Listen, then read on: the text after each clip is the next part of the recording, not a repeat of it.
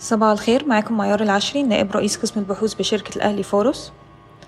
رفع البنك المركزي أسعار الفائدة على الإيداع والإقراض لليلة واحدة وسعر العملية الرئيسية بمقدار 200 نقطة أساس إلى 18.4% و19.4% و18.75% على التوالي. ارتفع الدين الخارجي لمصر بنسبة 5.5% إلى 163 مليار دولار في ديسمبر 2022 مقارنة بسبتمبر 2022 و12% مقارنة بديسمبر 2021 وسجل الحساب المالي والرأسمالي عجزا قدره 1.6 مليار دولار في ديسمبر 2022 لأول مرة منذ الربع الثالث من 2013-2014 سجل الحساب الجاري المصري فائضا قدره 1.4 مليار دولار خلال الربع الثاني من 2022-2023 وقع الرئيس على مشروع قانون الأجور وحزمة المعاشات التقاعدية وتشمل حزمة 165 مليار جنيه 10 مليار جنيه لزيادة أجور القطاع العام ومدفوعات المعاشات التقاعدية و85 مليار جنيه لتغطية خدمة الدين للربع الأخير من السنة المالية الحالية. صادق الرئيس على مشروع قانون يسمح للمشاريع الصناعية غير الرسمية بالحصول على تراخيص مؤقتة تصل إلى ثلاث سنوات. وقع الرئيس على اتفاقية متعددة الأطراف لمصر لتصبح عضوا في بنك التنمية الجديد التابع لمجموعة بريكس. رفعت هيئة قناة السويس رسوم السفن النفطية العابرة للقناة يتعين على الناقلات التي تحمل النفط الخام والمنتجات البترولية الآن. دفع رسوم إضافية بنسبة 25% بينما تدفع نظيرتها الفارغة 15% إضافية. ستعرض الهند عملتها كبديل للتجارة للدول التي تواجه نقصا في الدولار.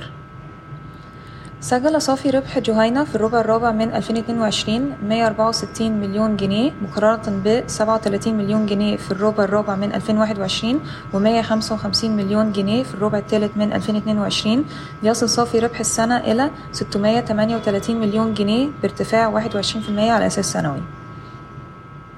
أعلنت إيست أنه نظرا للوضع الاقتصادي الحالي وتأثيره على العمليات التجارية الأساسية للشركة واستيراد المواد الخام فإنها سوف تجد طرفا جديدا لتأمين المواد الخام لتجنب التأثير على الإنتاج. أصدرت أمك تقريرها لفبراير 2023 سجلت مبيعات السيارات 4263 وحدة بانخفاض 78% على أساس سنوي وارتفاع 24% على أساس شهري. ارتفعت حصة GB Auto إلى 25%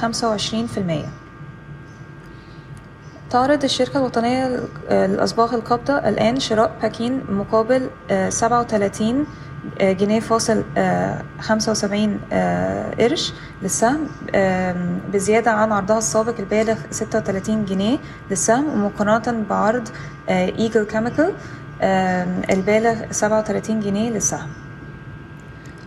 تخطط مدينة مصر للإسكان والتعمير استثمار 3 مليار جنيه في 2023 موجهة أغلبيتها نحو البناء في مشاريعها. وافقت الجمعية للشمس الإسكان على توزيع أرباح نقدية بقيمة 15 قرش للسهم يتم توزيعها على قسطين متساويين.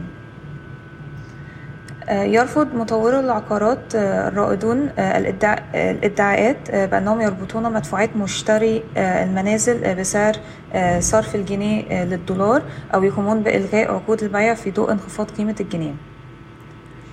سيقدم البنك الإسلامي للتنمية 318 مليون يورو كتمويل للمرحلة الأولى بطول 660 كيلومتر من خط السكة الحديد فائق السرعة بين السخنة واسكندرية. أكد رئيس هيئة المحطات النووية أنه لا يوجد تأثير أو مشاكل في المدفوعات للشركات العاملة في محطة الضبعة للطاقة النووية. يدرس صندوق سيادي خليجي وشركة صينية شراء حصة أقلية في السويدي. تعتزم شركة ريفي microfinance التابعة ل CI Capital إصدار سندات توريق بقيمة 2 ل 3 مليار جنيه. اتسع صافي المركز الأجنبي السلبي لقطاع البنوك خلال شهر فبراير بنحو 1.3 مليار دولار إلى 23 مليار دولار. بينما اتسع الفرق بين الأصول والالتزامات الأجنبية لدي البنك المركزي بنحو 523 مليون دولار ليتجاوز 9.2 مليار دولار. آه، قفز صافي ربح B Investments خلال 2022 بنسبة 1163% على أساس سنوي إلى 1.3 مليار جنيه. آه، اقترح مجلس إدارة MTI توزيع ربع سهم لكل سهم أصلي. شكرا ويوم سعيد.